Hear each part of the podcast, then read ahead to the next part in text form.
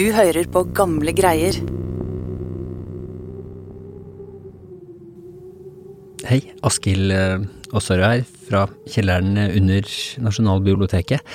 Det skulle egentlig ikke være noe sending denne uka, eh, men vi har kasta oss rundt og laga denne episoden fordi det virka meningsfullt i den tida vi lever gjennom akkurat nå, med demonstrasjoner og kamp mot institusjonell rasisme med en intensitet vi, vi ikke har sett på mange tiår.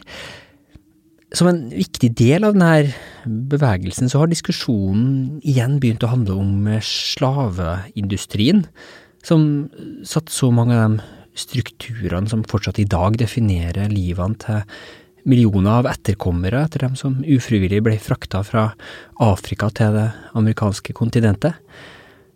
Og en sentral del av det her nye oppgjøret er at gamle storheter, nasjonale helter som spilte en rolle i slaveriet, blir dytta ned fra sine pidestaller helt konkret, som så mange sørstatsmonumenter i USA, eller som statuen av slavehandleren Edward Colston som 7. juni ble revet ned og slengt i elva i Bristol i England. Edward Colstons Fall from Grace. Her fra BBC. Onsdag kveld, når jeg ferdigstiller denne episoden, så er det 3500 nordmenn som har skrevet under på et opprop Ta ned rasist-slavehandlerstatuene i Norge. Og det har blitt oppretta et motopprop, behold statuer av historiske eh, personer. Tidligere i uka så ble eh, statuen av danskekongen Kristian 4. i Oslo spraya ned med ordet rasist. Han var med på å opprette det danske Ost-India-kompaniet, som seinere kom til å være innblanda i slavehandel. Det kan få være én grunn til, til det som skjedde. Men når jeg tenker på Norges rolle i slavehandelen på 1600- og 1700-tallet, så er det én kjent norsk person på sokkel som står frem for meg.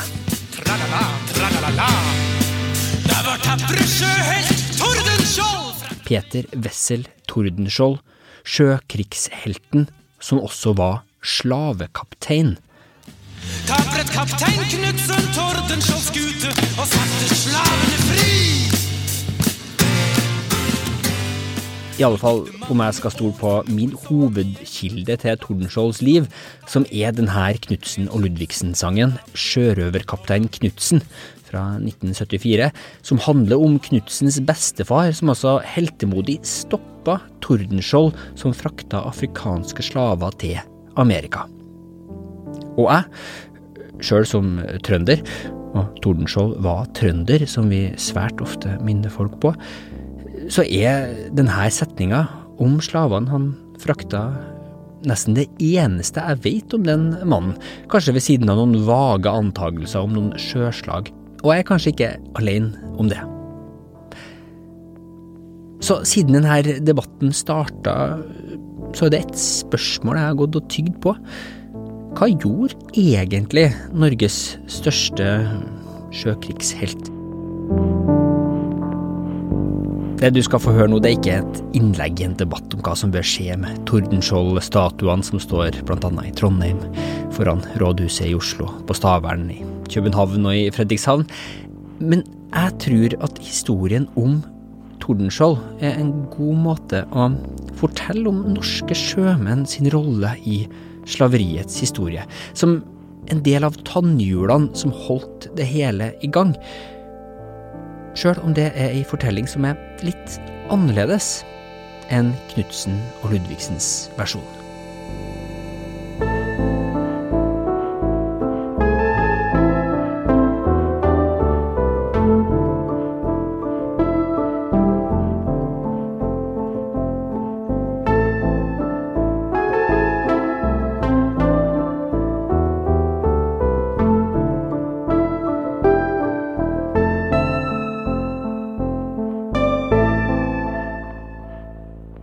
Denne fortellinga inneholder sitater med språkbruk som vi på ingen som helst måte ville ha brukt i dag, og den inneholder beskrivelser av drap og seksualisert vold og grov undertrykking.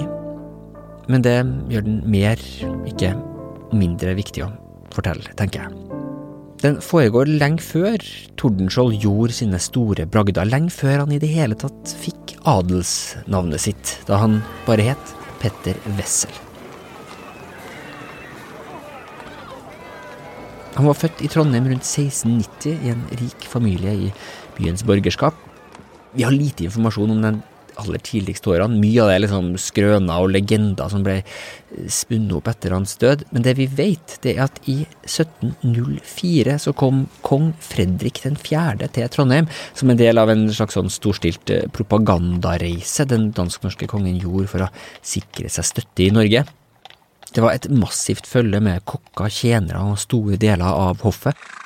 Blant andre så skal dikteren Ludvig Holberg, da 19 år gammel, ha vært innom følget.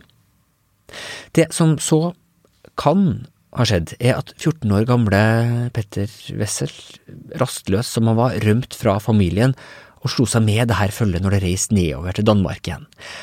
Her enda han i alle fall opp i, i København, der klarer han å få en liten audiens med kongen i, i stallen hans, men han blir avvist når han spør om å få en plass på sjøkadettskolen. Dermed så bestemmer han seg i stedet for å dra ut på ei langreise for å ha noe å vise til neste gang han skal søke. 13. november 1706 så kaster den 109 fot lange slavehaleren Christianius Quintus anker fra København og seile ut med salutt. Da var den 16 år gamle Wessel den som sto aller nederst på mannskapslista. Det var på noen måter et eksklusivt skip å, å være på. Eh, Danmark-Norge var fortsatt en bitte liten kolonimakt. Det var ett eller to slaveskip som ble sendt ut i året på den sida her.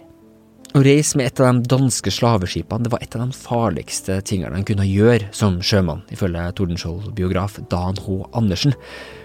Biografien hans er en av hovedkildene til detaljene om Petter Wessel sitt liv i denne episoden. Året før Christianius Quintus uh, letta anker, så hadde det danske slaveskipet Kronprinsen eksplodert da kruttbeholdninga tok fyr, og tok livet av 826 slaver i tillegg til mannskapet. Bare fem mennesker overlevde. Men Christianus Quintus var bare fylt med 67 mennesker, de som utgjorde mannskapet til kaptein Bomfelt da de reiste fra Danmark og nedover til kysten av Afrika. I slutten av februar så ankom skipet Christiansborg på Gullkysten, det som i, i dag er i Ghanas hovedstad Accra. Kristiansborg var det dansk-norske rikets eneste fotfeste her på den tida. Eh, Tordenskjold ankom Gullkysten under en veldig interessant periode, egentlig. Det var mellom slutten av 1600-tallet og tidlig 1700-tallet. Eh, Slavehandelen var på vei til å ta litt, eller ganske solid overfor gullhandelen på Gullkysten. Det her er Fredrik Hyrum Svensli. Han er stipendiat i historie ved NTNU, og jobber nå med et doktorgradsprosjekt om hva det dansk-norske riket drev med på Gullkysten på 1600- og 1700-tallet. Han skrev for noen år siden en veldig god artikkel i Aftenposten om nordmenn i slaveindustrien. Det skiftet fra gull til slaver, som Sensli nevner, det skjedde samtidig med at Danmark-Norge kolonialiserte St. Thomas i Karibia i 1672, og parallelt med den generelle økninga i etterspørselen etter slaver til sukkerplantasjer. Det var en del av trekanthandelen, hvor slaver ble frakta av europeiske slaveskip fra Afrika til Amerika, og varer derfra til Europa. En av de aller første som organiserte den norsk-danske slavehandelen på tampen av 1600-tallet, det var en nordmann. Den bergenske handelsmannen Jørgen Thor Møhlen. Han sendte slaveskip fra Bergen og kjøpte retten til å drive handel med de øyene i Karibia. De dansk-norske øyene. Han prøvde altså da å starte slavehandel fra Bergen, han da? Ja, og han, han ja. fikk faktisk det var, det var, det, var, et skip Han fikk faktisk handla eller sendt et skip og handla slaver og solgt slaver, og fikk sukker tilbake og tjente ganske mye faktisk på en sånn ekspedisjon. Men var, den neste ekspedisjonen var ikke gikk ikke så bra. Etter Mølens nederlag så var det Det vestindisk-guineiske kompani som tok over den norsk-danske handelen. Så når uh, Tordenskjold kom til Kristiansborg, som var hovedfortet på den tida der, så var det det, og faktisk det eneste dansk-norske fortet, så var det en del store endringer som skjedde som følge av eh, den voksende slavehandelen. Blant annet internt på fortet så drev daværende guvernøren og bygde ut eh, sånne store Det som ble kalt for slavekasser. Altså det var egentlig sånne store trebygninger som ble bygd for å romme det økende antallet slaver. da. Eh, det er først seinere man får de, der, de mer kjente slavekjellerne som ble bygd under fortene så det her er altså ikke en, en koloni, det er ikke noe dansk-norsk rike på noe som helst måte på denne afrikanske kysten. Det er en bitte liten handelsutpost som handla slaver fra forskjellige afrikanske kongedømmer, hovedsakelig fanger fra konflikter mellom de her gruppene. Mannskapet på fortet, og, senere skulle det bli flere eh, fort, det besto av mange nordmenn. De førte en ekstrem tilværelse, som den norske guvernøren Søren Kjeldrup beskrev det noen år senere. Her levde enhver som de ville, og som ryggesløse mennesker. Den gemene hafte ingen respekt for sin superiør, her var ingen disiplin. De løp fulle og gale hver dag. Den tid de satt i kirke for at de skulle høre Guds ord, employerte de til at sove deres rus ut Horeri var her som en sømmelig og tillatt sak. Her var et veritabelt Sodoma. Det er altså denne gruppa, helt nederst på den hvite rangstigen Petter Wessel var blitt en del av, de nordmennene og danskene og andre som var med på å holde slaveindustrien i gang helt konkret. Det var sykdommer som regjerte. Det var som dysenteri, gulfeber, malaria, og det var høy dødelighet. Det var eh, altså dine nærmeste rundt deg var, kunne være døde dagen etterpå. Og avstanden til Danmark-Norge og familien hjemme var stor. Det var mye venting, og venting på skip som skulle komme med nye forsyninger og nytt mannskap. Og ja, så var det veldig mange som eh, tydde til alkohol. da. Det var, det, var, det var et veldig voldelig samfunn. Her, langt fra sentralmakta, så var det en viss type mennesker som klarte å slå seg opp til å styre, eller i alle fall prøvde å få makta. Og mange av dem var norske sjømenn. Eh, for å gi noen eksempler, da, så har vi jo han eh, en berømt bergenser, Cornelius Pettersen, eh, som var soldat og senere sersjant på Kristiansborg fra 1729 til 1745. Han var veldig lenge med andre ord på Gullkysten. Det, det, det, var ikke mange som overlevde så lenge. Eh, og han, eh, som så mange andre nordmenn, så tok han afrikansk kone. Eh, hun var da en, afroeuropeer. Gjennom ekteskapet så kobla han lokale allianser, som var viktig i rivaliseringa mot andre på fortet. Han var veldig rebelsk altså. Eh, så han eh, skal blant annet ha forgifta eh, flere av de kollegaene sine i forsøket på, på, å bli guvernør. da. Eh, og da støtta han seg på hun Anna Sofia. Hun skal visst ha smugla gift inn til ham på fortet. Han ble til slutt fengsla, men endte opp med å bli sluppet fri og deportert til St. Thomas istedenfor å få en hardere straff. Igjen kanskje på grunn av Anna Sofia og hennes familienettverk. Cornelius Pettersen steg aldri helt til topps i hierarkiet på Gullkysten, men det gjorde flere andre nordmenn, blant andre Andreas Wellemsen. Wellemsen han var trønder, født i Trondheim. Eh, må ha vært fra en viss eh, Kommet fra en, ja, en bemidla familie, for han, eh, han var bokholder på fortet. Eh, og det tyder på at han har hatt en utdanning han tok over styringa da den tidligere guvernøren, som så mange andre, plutselig døde i sykdom. Han stilte seg, i den korte perioden han styrte, på det som skulle bli feil side i ei lokal konflikt mellom to afrikanske riker. Når en nyutsendt guvernør kom fra København, så ble han sendt i arrest tilbake til København, faktisk, fordi de så på styret hans som eh, ja, han fikk, han fikk, på en måte skylda da, for hele mm. utfallet av den konflikten der. Eh, Men så pga. kompetansen hans så ble han faktisk utnevnt som kjøpmann på et slaveskip eh, som heter Lårburg, Lårburg Galei, som handla slaver i Afrika mellom 1732 og 1733. Og så ble han eh, faktisk byfogd på St. Thomas eh, et par år etterpå. Eh, og det er ganske en høy, en viktig stilling, og da var han eh, bl.a. med å, å dømme slaver som eh, hadde gjort opprør, eller som eh, ja, på noen som helst måte hadde fornærma sine eiere. da. Kort tid etter Wilhelmsens eh, velde så tok Søren Schjelderup, han som omtalte Kristiansborg som et veritabelt eh, Sodoma, styringa. Han var en prestesønn fra Skogn, som ble eh, en av de aller mest sentrale dansk-norske guvernørene på Gullkysten gjennom historien. Styret hans kjennetegnes av at han klarer å få orden i det administrative kaoset på Kristiansborg, og utvider også slavehandelen og bygger enda et dansk-norsk fort, Fredensborg, i, mellom 1735 og 36.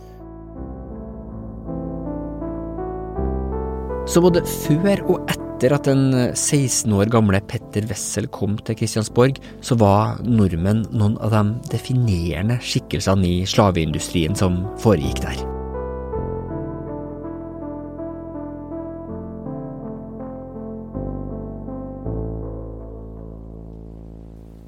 Mens Christianius Quintus lå ved Kristiansborg våren 1707, så ble den ombygd. Ned i den bekmørke buken på skipet så ble det bygd hylla på hylla på hylla hvor slavene skulle stues inn og fanges, en slags infernalsk labyrint. På dekket så var det satt opp et kokehus for matlaging og en skanse, en avgjerding, hvor mannskapet kunne overvåke og kontrollere slavene og stoppe alle forsøk på opprør. Christianius Quintus var forvandla til en komplett monstrøs maskin. Den danske presten Hans Christian Monrad beskrev så hvordan prosessen foregikk. Slaver bringes dels i et stort antall, dels enkelte, til fortene eller til de i landet etablerede europeiske kjøpmenn for at selges. Fangene var ofte lenka sammen i lange rekker. En jernbøyle slutter om halsen, og derfra går en kjede, omtrent halvannen alen lang, fra den første til den neste slave, og så videre til den siste mann i transporten. Monrad beskriver videre. Slaven må gape og vise sine tender. Man lukter ham inn i munnen, beser ham meget nøye i øynene. Han må gjøre alle hånde bevegelser med arme og ben. Slavene ble rodd ut til skipet i kano.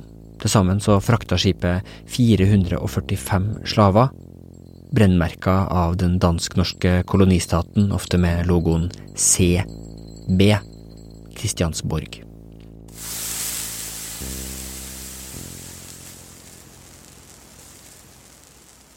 Sjette juni så letta skipet anker, mest sannsynlig om natta, mens så mange som mulig sov, som Dan H. Andersen skriver i Tordenskjold-biografien sin, fordi det da var minst fare for opprør blant slavene. Under dekk så ble det røyka med einerkvister i et forsøk på å forhindre at epidemier spredde seg blant dem som lå der nede, som sardiner i en boks, ofte i hverandres avføring.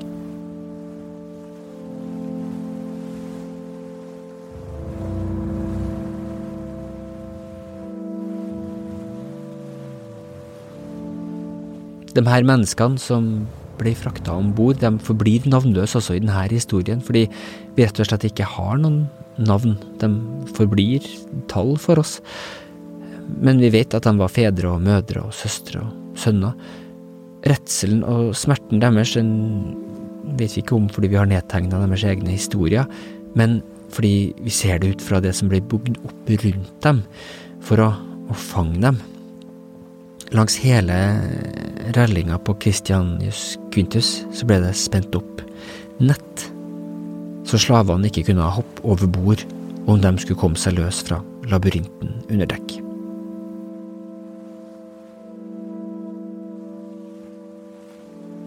Vi vet ikke hva 16 år gamle Petter Wessel gjorde. Men ved å være på et besetning på et skip som frakter slaver, så må han ha kommet veldig nært på den delen av handelen da, eh, og opplevd de, eh, de grusomme sidene, ettersom veldig mange slaver døde under overfarten til Amerika. Dan H. Andersen kommer med noen kvalifiserte antagelser i sin biografi om Tordenskjold. Han antar at han må ha jobba med å spyle bort avføring og kjemme håret til fanger for å fjerne lus og andre skadedyr. Eh, men det ser ikke ut som om så mange av sjømennene som gjorde det her arbeidet, hadde skrupler med det. Heller, antar Andersen, motsatt. Sannsynligvis har det foregått et utbredt misbruk av de kvinnelige slavene, skriver han. Ferden hadde på dette tidspunkt vart i et halvt år, og i lasten fantes det dusinvis av lenkede kvinner. Man kan spørre seg om ikke nettopp dette kan ha vært en av grunnene som fikk sjøfolk til å ta hyre på slaveskip.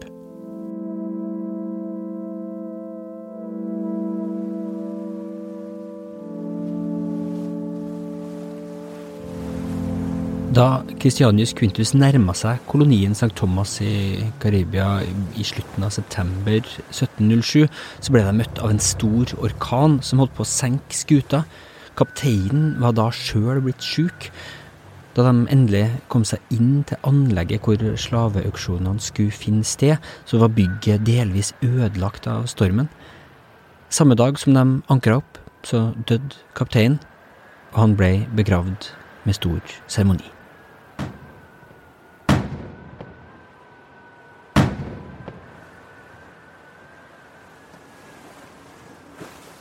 Petter Wessel, som skulle bli Tordenskjold, ser ikke ut til å ha blitt merka av sin deltakelse i det hele tatt, egentlig. I alle fall ikke ifølge de kildene vi har. Ingen steder, skriver Andersen, finnes det noen tegn til anfektelse eller skyldfølelse fra hans side. Han var som 16-åring en del av tannhjulene som holdt det hele i gang, som gjorde det grusomme arbeidet, som utførte de faktiske overgrepene.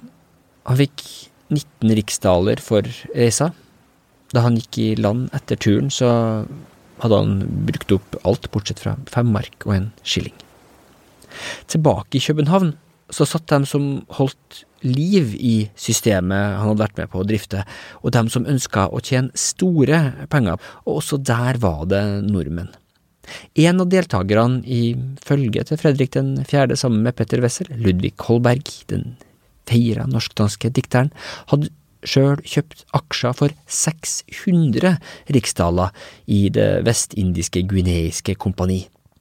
Til sammenligning så kosta ei ku på dette tidspunkt eh, omtrent to riksdaler, så det her er ikke så helt lite, uten at han heller ser ut til å ha hatt noen moralske skrupler.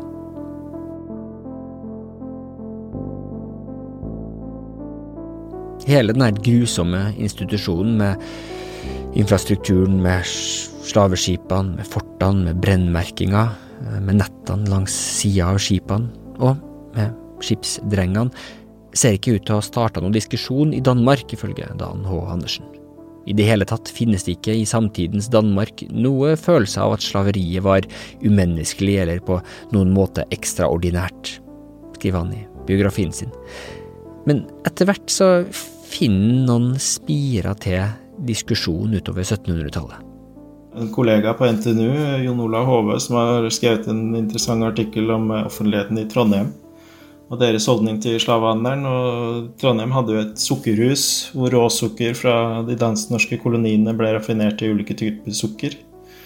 Og han har sett på gamle artikler i Adresseavisen og funnet at man i Trondheim faktisk var ganske godt informert om slavehandelen og slaveriet i Vest-India. Og redaktøren i avisa var eh, i stor grad mot slavehandelen og slaveriet, da. Ja, Så det var allerede da noen spira til, til motstand mot det? Ja, utover på 1700-tallet så kan man mm. begynne å se tendenser. Danmark-Norge var en liten aktør i den internasjonale slavehandelen sammenligna med andre, men til sammen så ble det sendt omkring 100 000 slaver om bord i norsk-danske slaveskip. I Danmark så ble det i 1792 vedtatt en lov som gjaldt først fra, fra 1803, som forbød handel med slaver. Og dermed så ble Danmark-Norge det første landet i Europa som forbød transatlantisk slavehandel.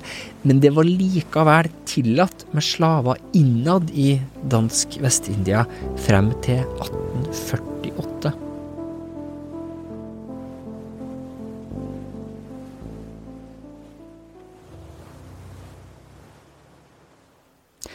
Etter at Petter Wessel Tordenskjold hadde klatra til topps i den dansk-norske marinen gjennom sine heltedåder, blant annet under det sagnomsuste slaget i Dynekilen, så døde han kledelig nok for en mann av hans rang i en duell som 30-åring i 1720. Til urna så skrev Ludvig Holberg et passende storstilt gravskrift. Nordhavets ære ligger i denne urne, danskenes bifall og kortvarige fryd, den jernhåre Norne som rev han bort, i hans blomstrende år trodde han var en olding da hun talte hans seierskranser. På overfarten fra Kristiansborg til dansk Vest-India 15 år tidligere døde om lag 40 slaver om bord på Christianius Quintus. De ble alle kasta over bord uten seremoni og minneord. Eller, hvem vet, kanskje det blei hviska, stille, av dem gjenværende nede i skipets mørke innvoller.